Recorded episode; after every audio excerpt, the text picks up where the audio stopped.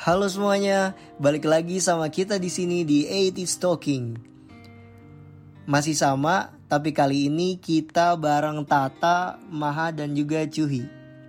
Di episode ini, kita bakalan ngomongin tips-tips mengurangi rasa cemas berlebihan di masa pandemi COVID-19. Langsung aja kali ya, siapa nih yang mau mulai duluan? Aku boleh deh.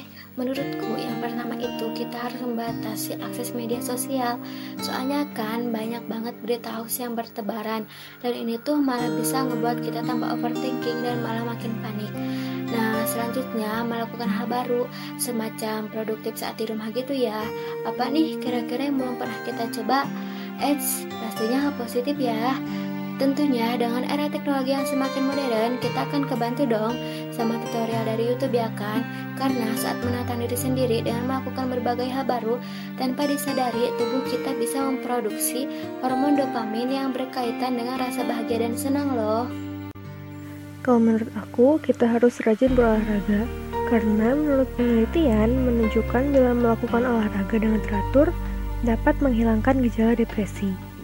Nah, selain itu, Aktivitas fisik seperti berolahraga akan meningkatkan produksi endorfin sehingga dapat mengurangi rasa sakit serta memicu perasaan tenang, senang, serta bahagia. Tapi untuk permulaan, kita gak perlu berolahraga dengan berlebihan. Cukup olahraga selama 10 menit aja dulu.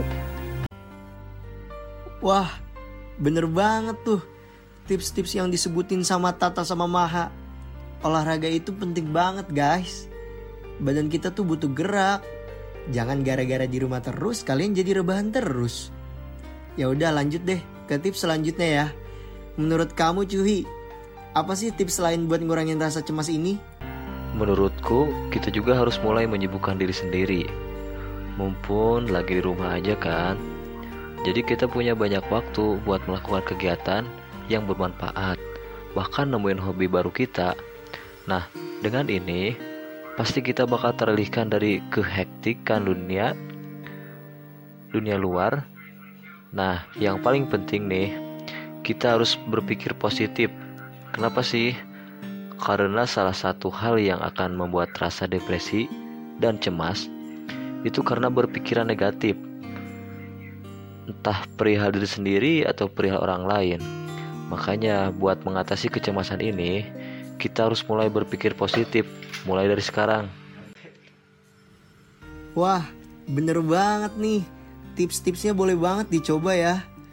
Makasih ya buat Tata, Maha dan juga Cuhi yang udah mau ngasih kita tips-tips yang tentu sangat berguna. Aku rasa udah cukup untuk episode kali ini. Semoga bermanfaat ya buat kalian-kalian.